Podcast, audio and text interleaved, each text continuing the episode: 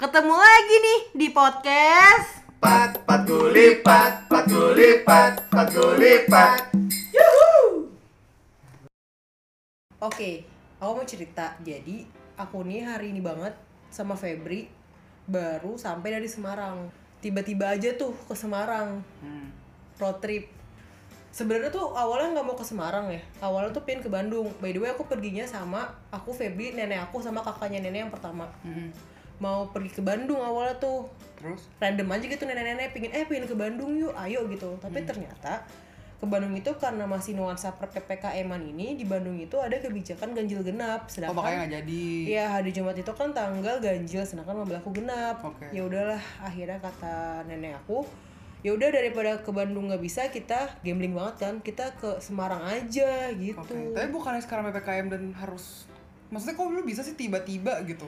Nah Semarang ini setelah aku browsing browsing dia tuh udah ppkm level 2 Oh udah turun. udah udah udah lumayan lebih stabil mungkin gitu ya Oke. kasusnya udah lebih rendah nah yang bikin aku yakin juga karena aku dan nen- aku Febri dan nenek-nenek itu udah pada vaksin Oke, jadi nggak perlu PCR ya kalau berangkat sana. dosis dua. ya jadi udah udah siapin aplikasi peduli lindungi juga kalau misalkan ntar ditanya atau gimana tuh udah siap gitu loh buat Oh, nunjukin bisa pada mendadak berangkat ya. yes betul nah Terus terus. kan aku penasaran ya ngapain ya ke Semarang gitu eh mau itu survei yang nenek ceritain kemarin tuh katanya gitu yang pesantren lansia pada tahu nggak sih pesantren lansia Enggak. Jujur sih gue baru tahu.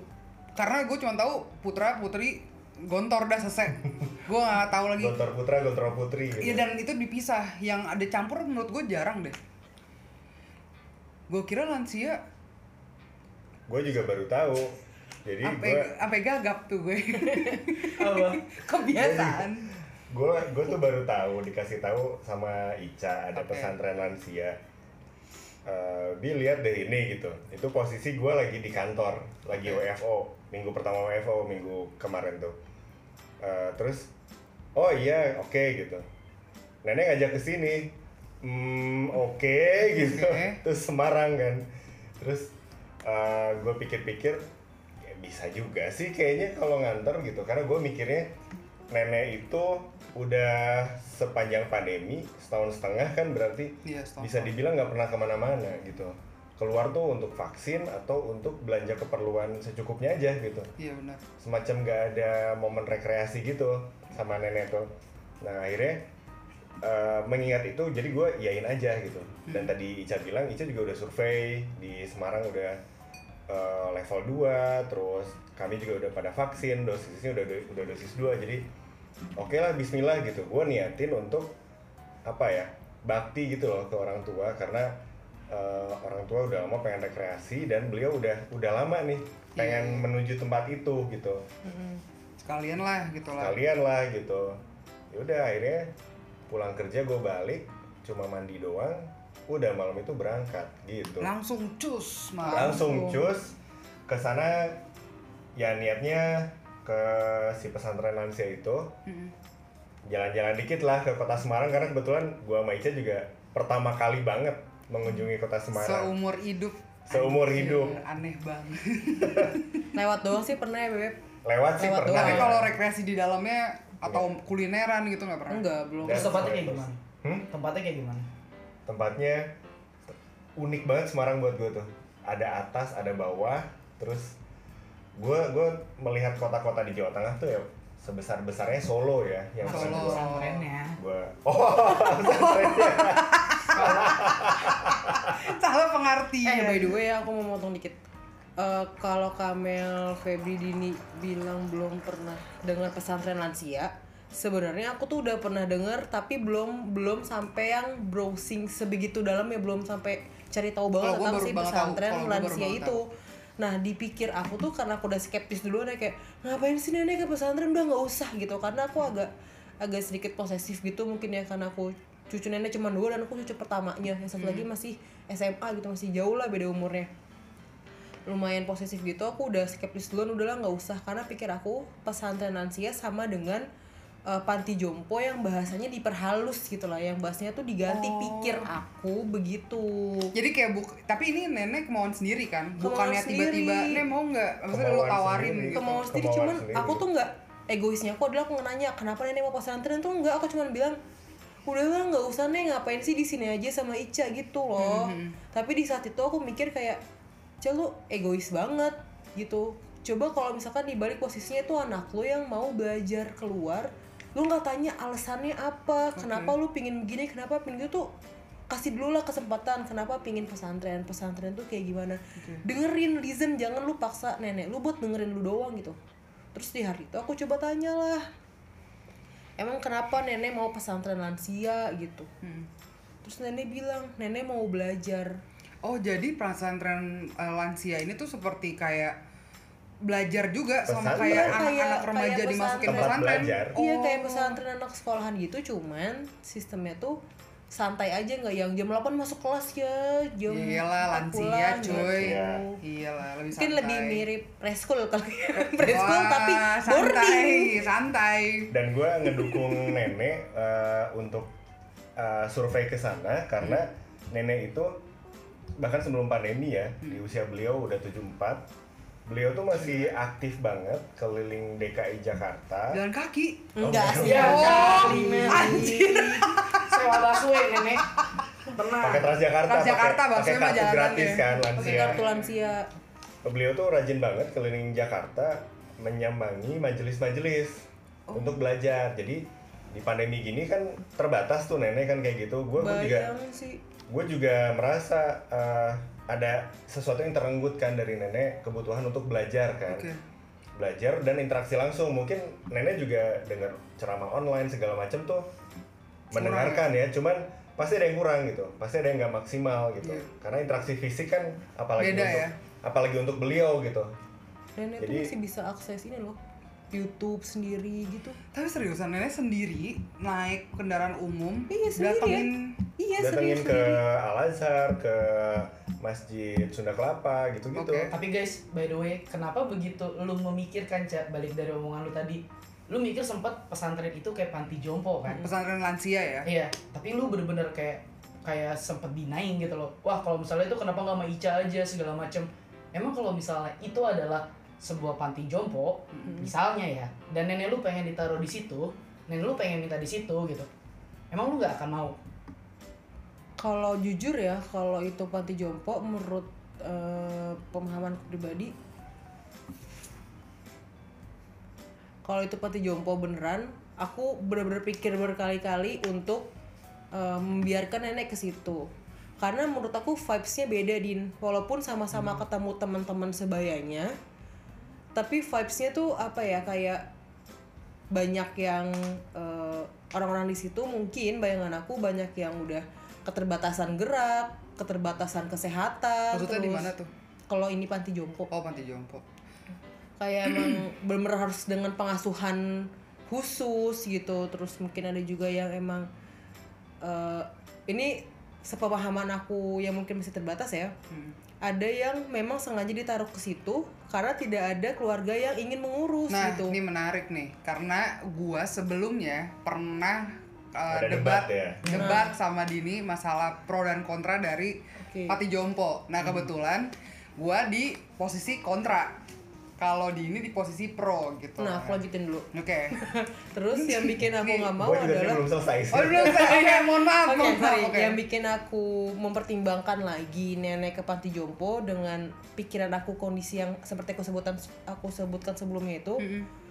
aku mengkhawatirkan nenek tuh kebawa vibes yang sedih gitu loh, yang susah susah untuk jalan kan kebawa interaksinya tuh intens itu sama teman-teman yang lain gitu jadi nenek yang sehat yang bugar dan happy malah jadi kebawa sakit kebawa vibes yang negatif lah gitu pikir aku Bukan mungkin harus mungkin vibes eh, tadi saya juga nyebut ya mungkin ada orang tua yang sengaja ditaruh di situ Ada, banyak aja- banget, ada, ada banget. perasaan terbuang mungkin atau Iya. gimana gitu jadi itu pertimbangan banget buat Ica nah gua tadi mendukung nenek untuk setidaknya survei dulu ke sana karena pertama itu kemu- kemauan nenek Iya. untuk pesantren di sana Ini pesantren lansia ya, bukan Pesantren- Jompo ya. Takutnya nyampur-nyampur. lansia Iya. untuk ke pesantren lansia kedua itu memang kebutuhan nenek untuk bisa Belajar. memenuhi belajar Iya, nenek tuh punya kebutuhan untuk belajar terus itu Iya. jadi contoh juga ya buat kita ya udah usia 74 masih semangat belajar Dan jangan dikekang lah ya. Dan- Malah harusnya disupport betul, gitu. Betul. gue tuh pengen mensupport kebutuhan beliau Oke. dan juga di lokasinya itu memang disyaratkan orang yang tinggal di situ orang yang belajar di situ orang yang bisa merawat dirinya sendiri jadi Oh. tanpa perlu perawatan dari orang lain Emang dituntut mandiri ya ternyata. memang dituntut tanpa mandiri ada memang perawatan khusus Tanpa ada spesial untuk perawatan beliau khusus sendiri gitu, jadi- gitu. bisa mandiri lah Tapi berarti orang yang misalnya sorry misalnya ada yang sakit atau cacat tapi kan dia punya kemauan untuk belajar gitu. Itu tuh masa nggak diterima sih? Berarti kan dia perlu bantuan dong sebenarnya. ya nggak sih maksudnya? di tempat itu sih tidak terfasilitasi karena pertam balik lagi itu bukan panti jompo itu bukan tempat perawatan Iya itu sih. pesantren Tapi guys, itu sekolah kenapa gue mikirnya kenapa orang Indonesia tuh mandang panti jompo tuh negatif banget gitu loh. Bukan masalah negatifnya din, ini Nah kita sekarang lagi masuk di panti jompo nih ya, bukan Iya, pesantren lansia nih Oke. ya. Oke. Soalnya gini, kalau misalnya kita dipikirin, kenapa bukannya gue terlalu pro ya? Bukan tandanya gue mau menaruh secara langsung orang tua gue di sana. Hmm. Cuman nyokap gue pernah ngomong sama gue, sekarang gini, kalian sibuk udah dewasa ntar. Contoh lah ya, kalian sibuk banget, kalian punya kerjaan, soon kalian punya anak, soon kalian punya segala macam gitu Rumah kan. tangga. Rumah tangga dengan posisi misalnya nyokap gue kayak sekarang, bokap gue udah nggak ada pula gitu kan, atau gimana gimana terus dia butuh yang namanya temen juga ngobrol gitu loh.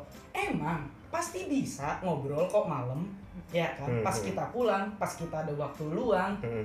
tapi kan ibaratnya dia pengen banget punya temen sedangkan yang gua tahu di panti jompo itu nggak seperti yang Ica bilang khusus harus ini khusus harus ini kalian juga bisa milih Maksudnya Ica tuh ntar kalau di panti jompo yang sedih, yang Nah. terbuang gitu. nggak seperti itu Emang Ica bilang gitu? Iya. Ica bilang ada case yang Oh iya ada dia case. perlu perawatan khusus. Iya, iya, di iya. orang lain ada juga case yang dia memang sengaja ditaruh di situ. Jadi tuh setiap orang kan punya case-nya Iya, masing-masing. tapi maksudnya- gitu. maksud gua ada kok yang bener-bener itu juga menjadi pusat suatu pembelajaran untuk orang tua juga yang di mana Hmm, iya, mereka iya, iya, iya. jadi ada aktivitas Ada di mana teman bicara. ada teman bicara yang nggak bukan suster yang bener- bener-bener kayak lu lebih seneng gak sih ngobrol sama seumuran Iya. Iya. yang tahu iya. bagaimana keadaan lu gitu. Benar, betul. Lu butuh gitu. Dan di sana juga ada kelas-kelas yang dibikin untuk mereka lebih ada kegiatan. Dan nyokap gue ngomong kayak, kalau kamu mikirnya kamu anak yang jahat menaruh mama di panti jompo, kamu coba pikir balik kata dia. Kamu nyuruh mama maksain ego mama, eh, ego kamu untuk biarin ibu kamu di rumah, cuma biar nggak dipandang. Lu nggak perhatian sama ibu lu, Hmm, nggak ngebuang. See, I Ngerti nggak? Ngerti ngerti. Dapat, itu dapat yang poin. yang gue maksud bukannya bukannya gue bermaksud untuk menaruh ibu gue di panti jompo Kenapa Kalau misalnya- Dini bilang bukannya bermaksud gua naruh ibu gua di panti jompo tapi Dini Pro. uh, pro gitu untuk Iya, menyetujui ibunya Dini mau ditaruh di iya jompo. kalau emang dia mau dan dia memberi alasan yang jelas emang begini begini begini gue akan menurunkan ego ngerti gak sih gue akan kayak ya udah mam kalau emang mama lebih bahagia juga Hmm. Dong gue juga nggak ngebuang nyokap gue ibaratnya gue bisa ke sana gue bisa jenguk Benar. dan gue bisa video call wa dan kayak nyokap gue lebih ada hari-hari yang bisa diceritakan gitu. Dan ini bukan paksaan dari gue Ya. ngerti kan? Poinnya sama sama nenek gua Nah. sama Ica ada kesamaan itu willingness sendirinya kan. Yes. keinginan sendirinya tidak ada paksaan. Yes. Dan bukan uh, anaknya nggak mau ngurus gitu. Loh bukan itu berarti Tapi orang, beda orang loh. tua kayak gitu keren ya maksudnya punya keinginan untuk mandiri Mhm. uh, gue nggak ngurus anak mau ngurus atau enggak ya tapi keinginan untuk mandiri dan anaknya juga pro menyambut gitu Hmm. untuk memfasilitasi keinginan si orang tuanya itu Betul. Itu dia. Tapi lu nggak bisa samain dari menaruh orang tua di panti jompo dengan lu menaruh orang di pesantren lansia karena ini tujuannya berbeda. Ini menurut gua ya, Ah. secara op, my opinion gitu kayak ini beda tempat di jompo berbeda tempatnya dengan pesantren lansia menurut gue ya. Ya. Iya beda banget. Beda, Beda banget, banget beda gitu. banget. Karena kenapa gue bilangnya itu beda karena dari fungsinya aja udah beda Iya. Ya. fungsinya. Pesantren Nanse itu pesantren tempat Hmm. sekolah partisipannya kebetulan aja orang-orang yang sudah berumur Yes. betul. yang eh, yang gue tangkep ya dari si pendiri pesantrennya itu itu untuk mempersiapkan orang-orang tua untuk husnul khotimah Artinya artinya meninggal dalam keadaan baik lah gitu Oke, karena dia menambah pengetahuan Hmm, agamanya gitu ya, mempersiapkan. mempersiapkan. Oke, bekalnya nanti Bekalnya ya. gitu. Oke. gitu kalau misalnya dipikir-pikir itu almost sama cuman seperti yang Ica pikirin nggak sih kayak diganti nama coba deh kalian pikirin kayak kenapa juga? Jadi karena yang gua tahu ya konotasi panti jompo di Indonesia tuh sangat-sangat negatif ya.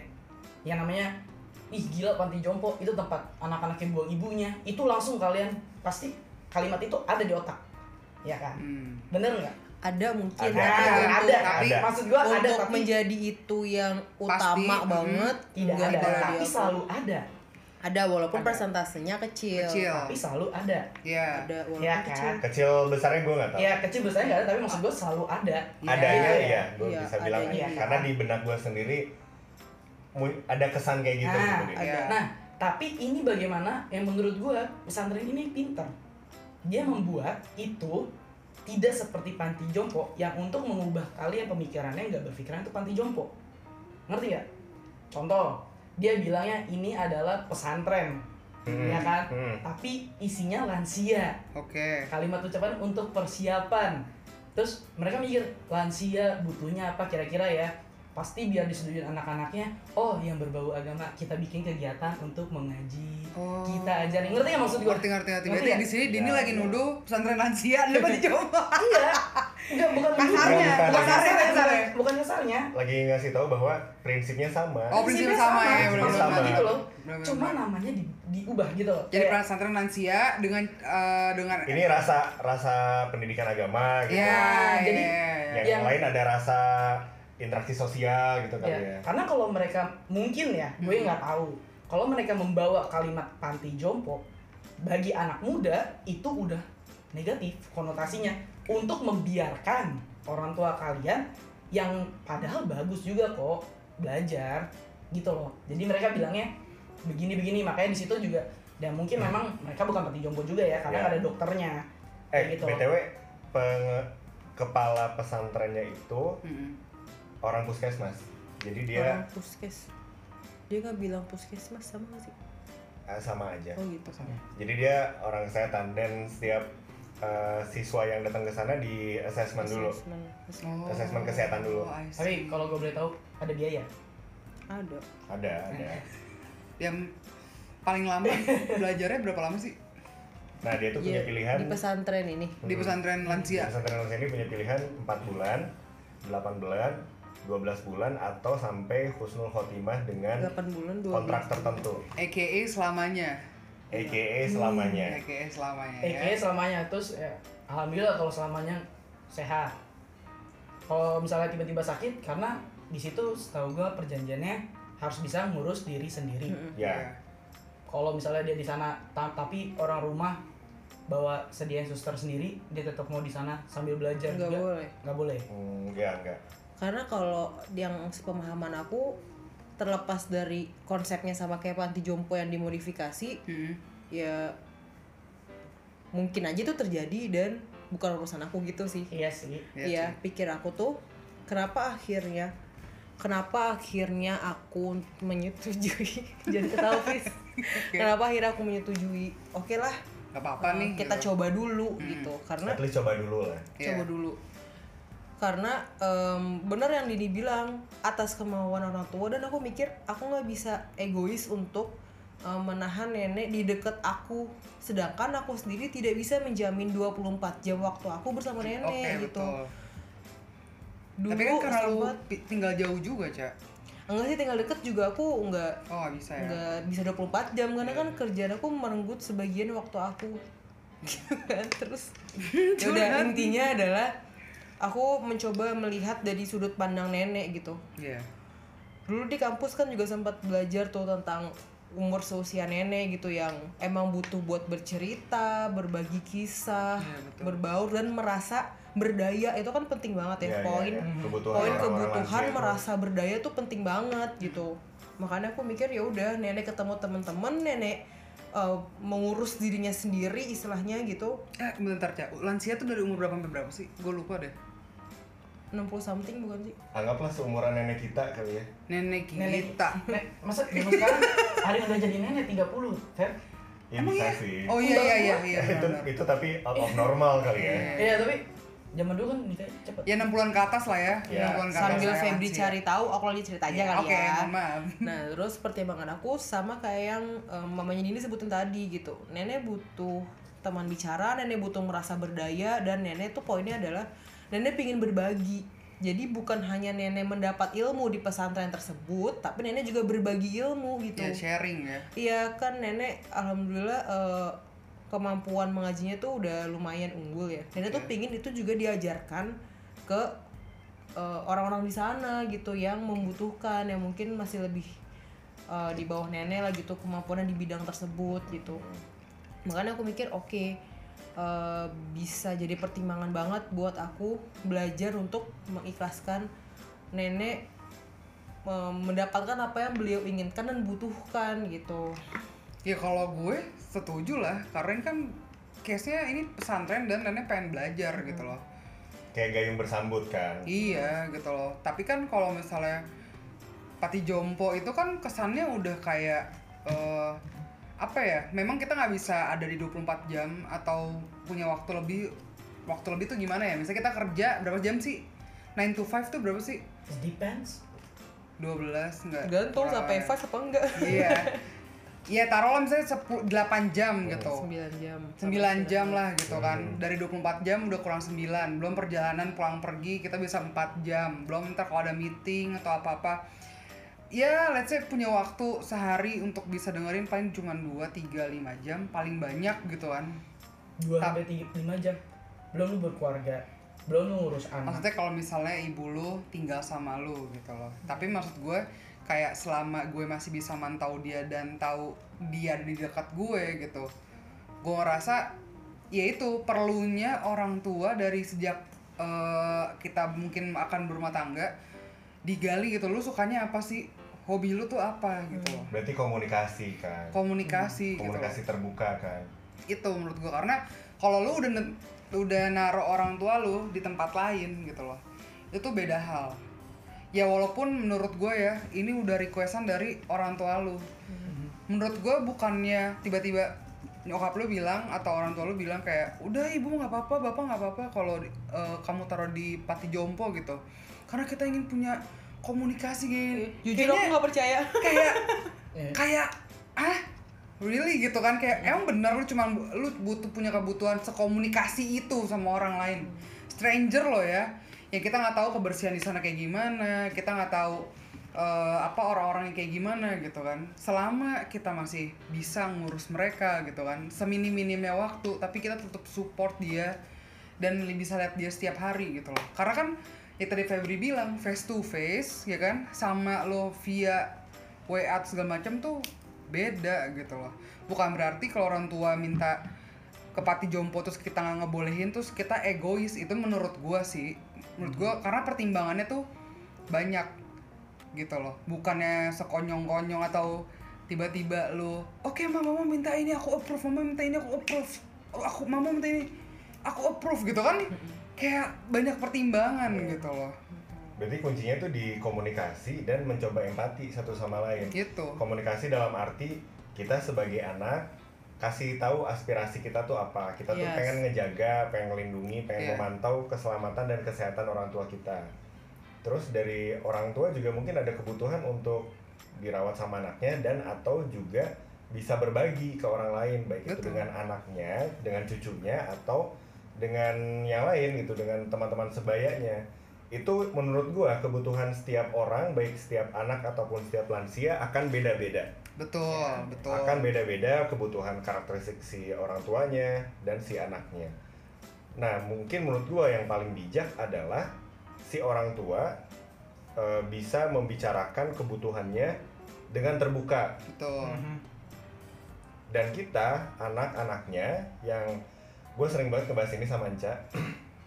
Kita nih anak-anak anak-anak muda yang pengalaman hidup kita masih belum sebanyak beliau-beliau. Iya. terus sudut pandang paradigma kita gue bisa bilang belum terlalu terkristal seperti beliau-beliau. Yang artinya kita masih lebih mampu untuk beradaptasi. Kita masih lebih mampu untuk menerima perubahan dibanding beliau-beliau. Artinya kita yang harus lebih berempati dan lebih bisa mendengar beliau-beliau. betul. Nah, di sini eh, yang perlu kita lakukan adalah saling komunikasi. Kita dengarkan kebutuhan orang tua kita apa dan kita coba support. support dan pakai sepatu beliau gitu pakai sudut pandang beliau. Di kasus gua sama Ica alhamdulillah banget orang tua kami nenek nenek Ica gitu ya itu komunikatif banget. Bisa menuturkan kebutuhannya apa. Dan juga dari observasi gua sama Ica emang kelihatan kebutuhannya itu untuk belajar gitu. Dan itu emang gak mudah. Maksudnya bukan proses sekali jadi kayak nenek pengen ini. Karena ini tuh enggak emang iya. orang tua mungkin nggak tua doang sih semua dari kita mungkin nggak nggak nggak bisa langsung aku mau gini soalnya gini gitu. Mungkin kan ada penyesuaian kan. Nah Harus untuk pasti proses nenek bisa cerita kenapa beliau mau A kenapa beliau mau B tuh Butuh waktu, emang ada proses butuh ngobrol proses. udah beberapa kali sama aku sebagai cucu pertamanya gitu. Dan apa ya di kasus lain mungkin ada yang emang orang tuanya memang pengen dirawat sama anaknya gitu. Yep. nah itu balik lagi bangun lagi komunikasi. Si anak sampaikan eh, kemampuannya kapasitasnya gitu-gitu segala macam gitu. Apakah bisa memfasilitasi atau tadi Dini memilih untuk ke panti jompo? Dini juga menurut gua kebetulan beruntung juga Dini punya orang tua dan diri Dini sendiri yang bisa berkomunikasi Betul, dia secara langsung bisa- terbuka. bisa langsung kayak gue maunya gini-gini jadi lo secara nggak langsung kayak nggak membebani anak sebenarnya Gitu nggak nggak langsung ngomong sih. Jadi gue lewat panti jompo. Hmm. terus, terus nyokap- bukalah topik itu. Iya Oh. terus nyokap gue di mobil tiba-tiba kalau misalnya mama minta ke kamu untuk masukin mama ke panti jompo bagaimana? Oh berarti ada question dulu nih. Ada. Oke. Terus gue langsung ya, ya kenapa? Kenapa mama harus ke panti jompo? Gue gue langsung nanya dong Mananya agak alasannya. gitu. iya. Alasannya apa emang mama nggak betah di rumah? Hmm. emang di rumah kenapa? Hmm. Pasti langsung ada banyak ya B pertanyaannya. gue langsung nanya banyak sama nyokap. Terus nyokap langsung ngejelasin yang tadi gue omongin gitu. Kamu jangan lihat dari sudut pandang yang begini dong. Kayak gitu loh. Oke. Kamu pikirin dari sudut pandang mama. Misalnya mama begini begini begini begini. Begini akhirnya dijelasin tadi. Ya. kayak gitu. Obrolannya kayak gitu gue sama nyokap. Nah, FYI, eh, kasus nenek ya, karena juga yang bisa gua angkat kasusnya nenek. Dulu itu ke Ica sering banget minta untuk udahlah nenek taruh aja di panti jompo gitu. hmm Gitu. I see. Tapi tuh apa ya? Belum klop gitu loh di di hati kami itu. Karena eh, rasanya tuh kayak bragging gitu. iya Ya. pasti Kayak bragging kayak itu bukan calling dari dirinya beliau gitu. Yes, itu terjadi dari eh, sebelum aku nikah sama Febri. Jadi udah kalau ngomong tuh istilah tuh kalau lagi ngambek, lagi merajuk tuh udah nenek ke panti jompo aja gitu. Hmm. Ya enggak enggak kayak gitu caranya, bukan menjadi pelarian gitu. Benar, Iya, iya. Makanya pas nenek bilang mau ke panti aku eh udah ke mau ke pesantren aku udah mikir itu kind of panti jompo dan aku nggak mau Hmm. aku nggak mau ada siapa pun apalagi keluarga aku yang melakukan segala sesuatunya tuh tanpa alasan cuman karena emosi doang gitu. Iya betul. Iya. kalau cuma kan anak di panti jompo ada yang ngurusin gitu doang. Kalau masalahnya di ngurusin bukan mati jompo. Tok solusinya gitu. Ya. itu loh maksudnya kalau Dini bilang emang kenapa sih kalau panti jompo? Bukan panti jomponya sih yang masalah buat aku ya. Masalah buat aku adalah iya sama gue juga. the real reasonnya tuh apa? Kan Ya, ada yang benar, benar, kayak bilang ya emang aku suka aja nenek atau mama atau kakek siapa pun lah suka aja di panti jompo. Banyak temannya banyak apa banyak hal yang harus dipertimbangin. Makanya aku sebut tadi ada orang yang perlu kebutuhan khusus Betul. perawatan khusus ada orang yang emang sengaja dibuang sehingga menjadi sedih atau justru malah sengaja dibuang malah menjadi bahagia gitu kan. Emosinya tuh campur aduk ya di situ. Sedangkan udah usia lanjut tuh dari yang aku tahu sensitif kan? eh, iya sensitif dan kemampuan beradap- beradaptasinya tuh tidak semudah yang tidak semudah kita mungkin yang masih muda gitu. Makanya aku bilang enggak kalau nggak ada alasan yang jelas enggak gitu. Makanya pas nenek sekarang setelah proses ngobrol beberapa kali yang nggak mungkin aku cecer langsung satu pertanyaan kan takutnya malah jadi pingsan gitu sebelum ke mana-mana. Oh semangat banget maaf nih. muncrat. nggak apa terus? Terus ya juga udah. observasi langsung kan ngelihat Ke sana ya. sehari-hari ya ke, ke lokasinya dan juga kita melihat sehari-hari nenek, tuh gitu. kayak gimana? Apakah bener-bener itu tujuannya nenek gitu? Bukan melarikan diri dari Yes. keluarga ya. Betul. karena gue belajar juga ya dari bokap nyokap gue gitu.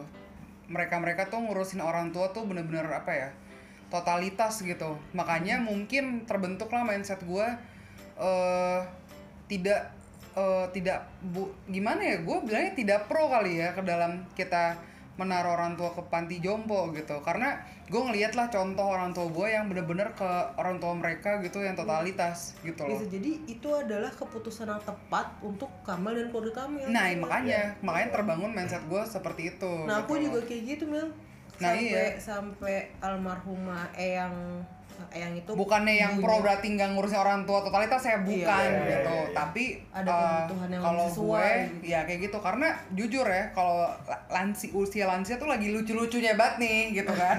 jujur sih gue di jalan ya banget gue di jalan sama Ica kan kami ke Semarang tuh berempat ya gue Hmm. Ica sama nenek dan kakaknya nenek gitu Berarti dua nenek-nenek Dua ya. nenek-nenek. Oke. itu gue ngerasa kayak bawa anak-anak lagi Iya berwisata kan? Iya itu kan? kayak lagi bawa ponakan ceritain Cak.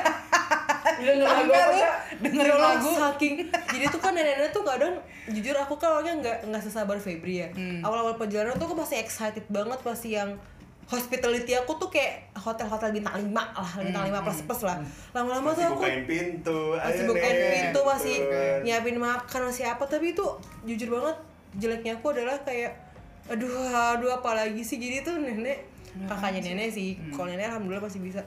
Ini apa suka aneh-aneh aja. Tingkahnya tuh unik-unik aja gitu. Ngapain? kayak misalkan pipis. Tapi pipisnya tuh nggak nggak menjaga kebersihan. Gitu aku harus bersihin lagi kalau belum habis pipis gitu gitu loh. Intinya tuh udah kayak aduh kenapa sih? Iya gitu. kan, aku nggak belum nggak sampai kesel. Tadi dulu nggak sampai kesel tapi aku udah aduh udahlah sama Febri aja gitu. Karena Febri tuh super duper sabar. Saking aku udah udah capek udah capek banget.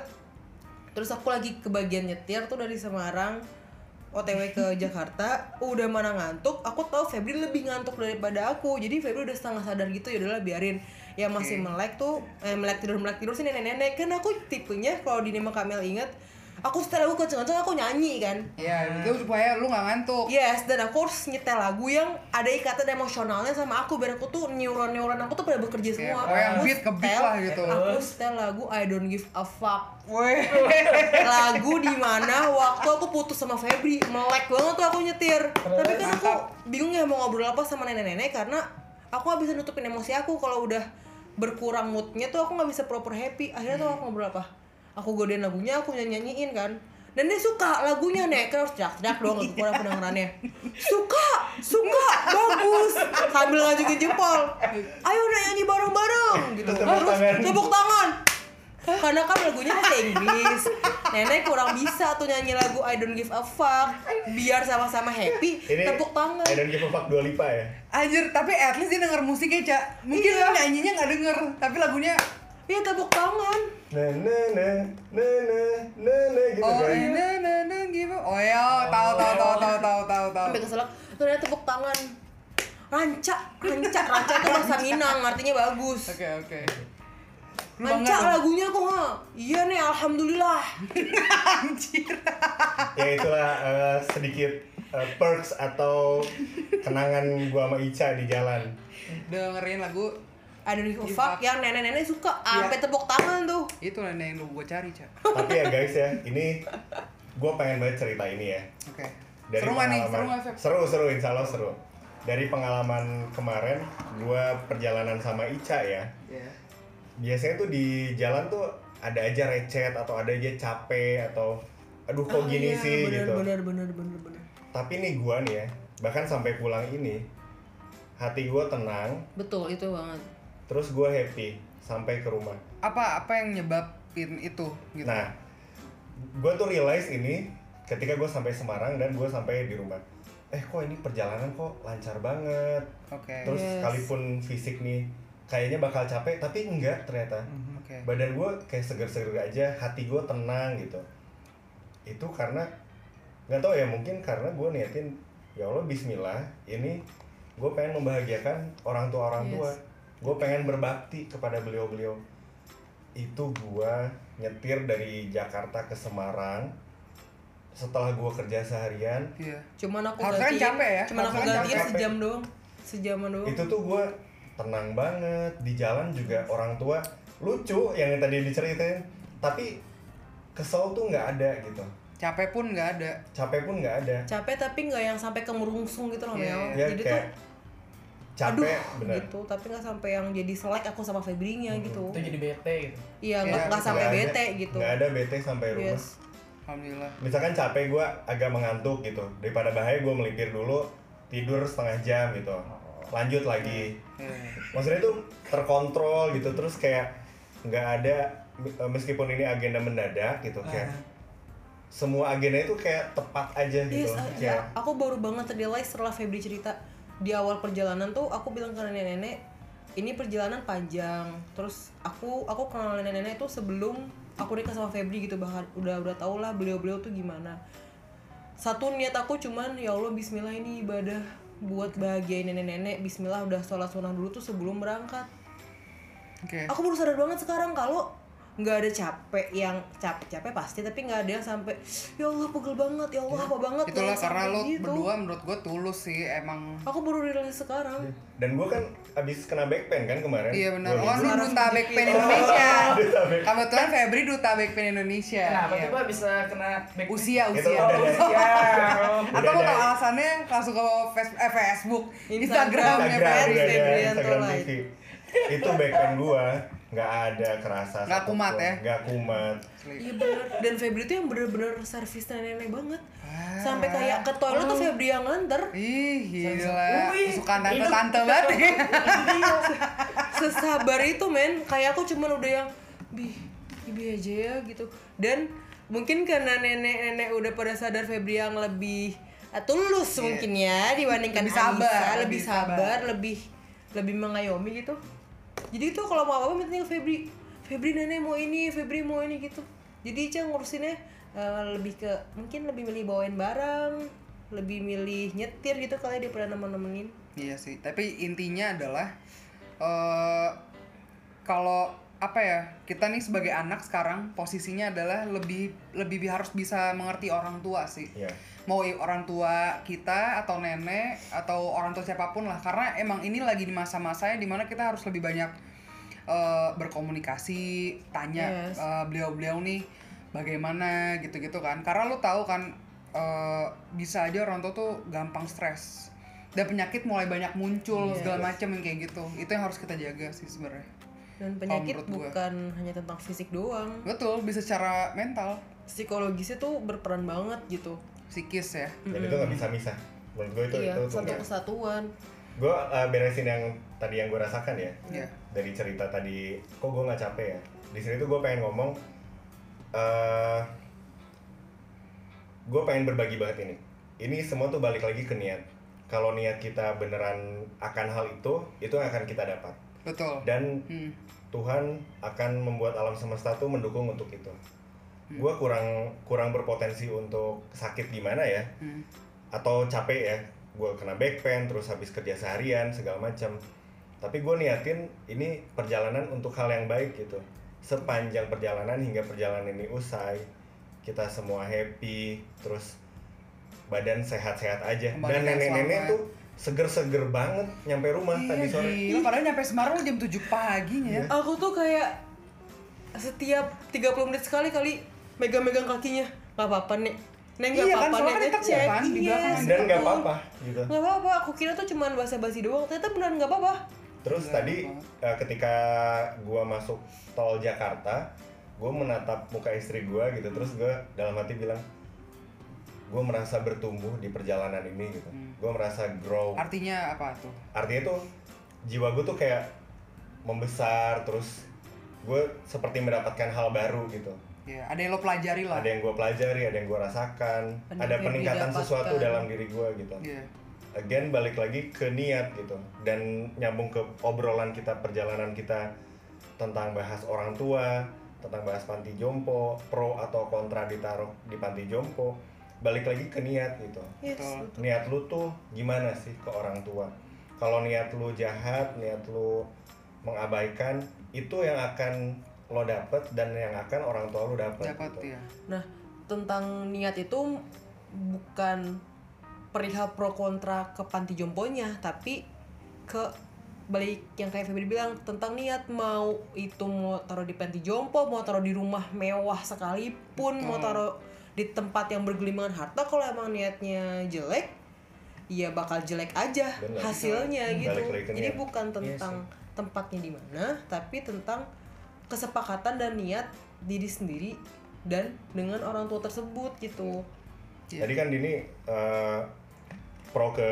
panti jompo di case Dini karena dua-duanya sepakat gitu kan. Iya. betul Karena sepakat itu dua-duanya fit gitu, eh, memenuhi kebutuhannya masing-masing. yes nah kondisi Kamel mungkin bisa dibilang kurang pro karena sudah terbentuk budaya dan kesepakatan untuk saling bersama saling Betul, merawat betul. gitu Tapi dua-duanya belum terjadi ya. Iya.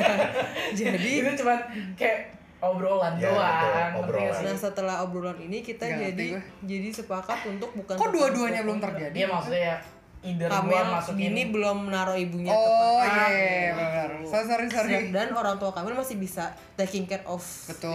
sendiri Iya. kan makanya dari sekarang maksudnya apalagi menurut gua nyokap lu udah ada omongan kayak gitu maksud gua harusnya itu bisa sebisa mungkin nggak terjadi kalau gua ya.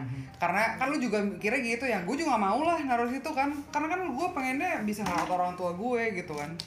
Ya mungkin dicari-cari lah hobinya apa orang tua kita disupport dikasih kelas apalah gitu loh. Tapi ya kalau gua sih gua bakal lebih kayak ngelihat dari sisi nyokap sih. Iya. Bener-bener- Balik lagi nih beb ke percakapan iya, tapi iya bener tapi gue intinya Iya, iya, iya. lu bisa kok nyari panti jompo yang sesuai atau Yes. tidak jangan disebut panti jompo deh atau bisa nyokap gue ada kegiatan dia pengen kegiatan Yes. ya udah masuk pesantren Atau mungkin bisa bisa jadi Ya. Student exchange kan namanya. iya bisa bisa emang Hmm. ya apa Manula exchange? Iya. Manula MUN. Manula exchange Manula MUN. Intinya apa pun namanya, Ya. apa pun tempatnya, yang terpenting adalah komunikasi dan kepercayaan eh, satu sama lain gitu Ya, loh, pokoknya- saling memahami satu sama lain, komunikasi itulah yang penting. anak mana sih yang nggak mau bahagiain orang tuanya gitu betul Yes. dan betul. itu yang niat gue tuh bener-bener gue pengen bahagiain nyokap Iya. Intinya bukan. Karena kan ya? lucu. Itu Dan- niat bener. bener-bener Balik gue lagi ke nggak niat. mau Karena kan lucu Feb, gitu loh misalnya orang tuanya minta gini, aku minta dong waktu kamu eh, paling enggak aku adalah komunikasi sama kamu at least 5 jam misalnya ya. Hmm. Kita ke mana gitu atau kita ngobrol di rumah aja selesai kamu kerja. Tapi di anak ini nggak bisa berikan. Tapi ketika orang tua bilang, udah taruh aku di pati jompo, oke, berangkat. lucu itu- kan? iya tapi kan Ngerti tapi nggak? akan balik ke niat sih. Iya, tapi- Dari iya. niat tuh akan menciptakan perilaku-perilaku yang kita juga nggak akan tahu ya. Tapi Iya. pasti bakal fit satu sama lain. Itu balik lagi ke Dari Ica, niat. bukan yang tiba-tiba lu, aku mau ini langsung berangkat gitu. Iya, Pasti kan iya. harus ada diobrolin dulu Iya. gitu loh. Harus ada komunikasinya dulu. Gitu, Oke. Dech. Jadi Ya, kita kayak- sepakat ya, bukan tentang lebih baik gini aja atau lebih baik gitu aja, Iya. lebih baik enggak ke panti jompo, lebih Iya. baik ke panti jompo. Jadi kita udah sepakat untuk bukan itu poinnya, Yes, tapi yes. tentang kita membangun komunikasi sama orang tua kita untuk sama-sama paham kalau uh, tujuannya adalah mencari kebaikan bersama, Hmm. mencari kebahagiaan bersama Betul. gitu. betul betul Betul, betul. Fix Jangan ya. lupa ya bedain ya pesantren lansia sama pati jompo. Ini beda ya. tapi konsepnya almost sama tuh Ya, terserah deh lu pada mau mikirnya apa. Kalau gua merasa tetap ini berbeda. Ya, menurut aku itu beda, tapi kalau kita bahas sekarang ul- ulang lagi dari Iya. awal. Iya, betul, betul, betul, betul, Kayak oke Oke, Intinya mungkin di penutup eh, kita tutup dengan doa ya. Semoga Oh, luar biasa. No no no no it's not ya bukan maksud gua kita doakan, semoga orang tua kita sehat-sehat. Amin. Amin.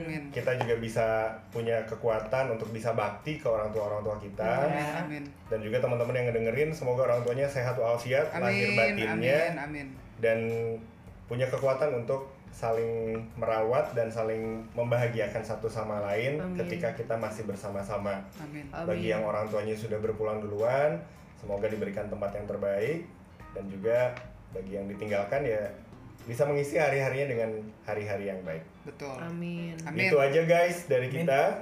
Kita tutup, udah doa juga, kita tutup dengan Dengan jangan, Semangat. jangan lupa prokes. Jaga lupa- jarak. Mm-mm. Eh, itu prokes juga ya. Prokes juga. Jangan Tetap bilang- bahagia, itu penting. Jangan lupa vaksin.